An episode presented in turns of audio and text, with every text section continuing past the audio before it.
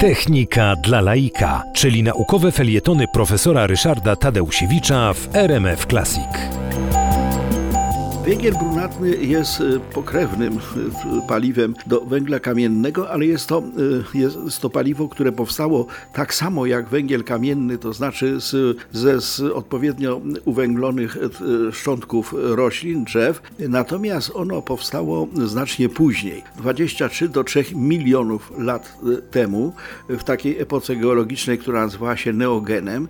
No i w związku z tym ten węgiel, będąc młody, jest jeszcze słabo przetworzony to znaczy procesy, które nazywaliśmy procesami uwęglania i które powodowały, że w węglu kamiennym była bardzo wysoka zawartość cennego węgla i niewielka zawartość tych innych dodatków, e, w węglu brunatnym nie zdążyły zajść tak daleko. Również to, że ten węgiel jest młody, wyraża się w tym, że on występuje płytko i dlatego wydobywa się bardzo często metodą odkrywkową. Jest to wygodne, tanie i e, takie no, efektowne, niewielkim kosztem można ten węgiel zdobywać, ale też i wartość opałowa tego węgla jest mniejsza, 2 do 3 razy jest gorszy od węgla kamiennego. Ma pierwiastka C, czyli czystego węgla tylko 60%. No i co gorsza, węgiel brunatny jest bardzo zawilgocony. Rezultat jest taki, że tego węgla nie daje się przedwozić na, długie, na duże odległości.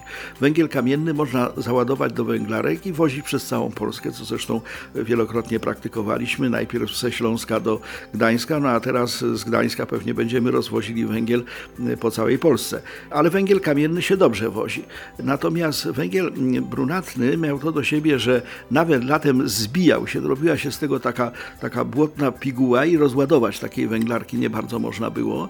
No a zimą to się jeszcze dodatkowo zamarzało i wobec tego węgiel brunatny nie daje się transportować i dlatego zwykle jest taki kombinat polegający na tym, że zaraz przy kopalni tego węgla brunatnego powstaje powstaje elektrownia, która przetwarza ten węgiel, oczywiście spalając go ze szkodą, bo ten, to spalanie węgla brunatnego daje znacznie brudniejsze spaliny niż w przypadku węgla tego czystego, antracytowego zwłaszcza, bo rzeczywiście te elektrownie opalane węglem brunatnym e, wyrzucają do, do atmosfery bardzo dużo szkodliwych substancji, e, tlenek węgla, dwutlenek węgla, dwutlenek siarki, tlenki azotu, pyły, nawet metale ciężkie, więc to jest rzeczywiście trucizna. No i co gorsza, jeszcze y, jest to y, no, mało efektywne, a cała ta ogromna dziura, jaką tworzy ta kopalnia odkrywkowa, no, zaburza stosunki wodne i wobec tego w okolicy y, wody gruntowe zanikają. No ale cóż, no, to, to nam przyroda dała, wobec tego używamy tej, tego węgla brunatnego. Mamy go w Polsce 6 miliardów ton, wobec tego no, jest to bardzo duży zasób, trudno z niego rezygnować, chociaż warunki ekologiczne są tutaj. No i może warto dodać, że największe na świecie złoże węgla brunatnego udokumentowane jest w takiej trój trójkącie y, Legnica, Prochowice, Ścinawa na Dolnym Śląsku. To taka ciekawostka na zakończenie.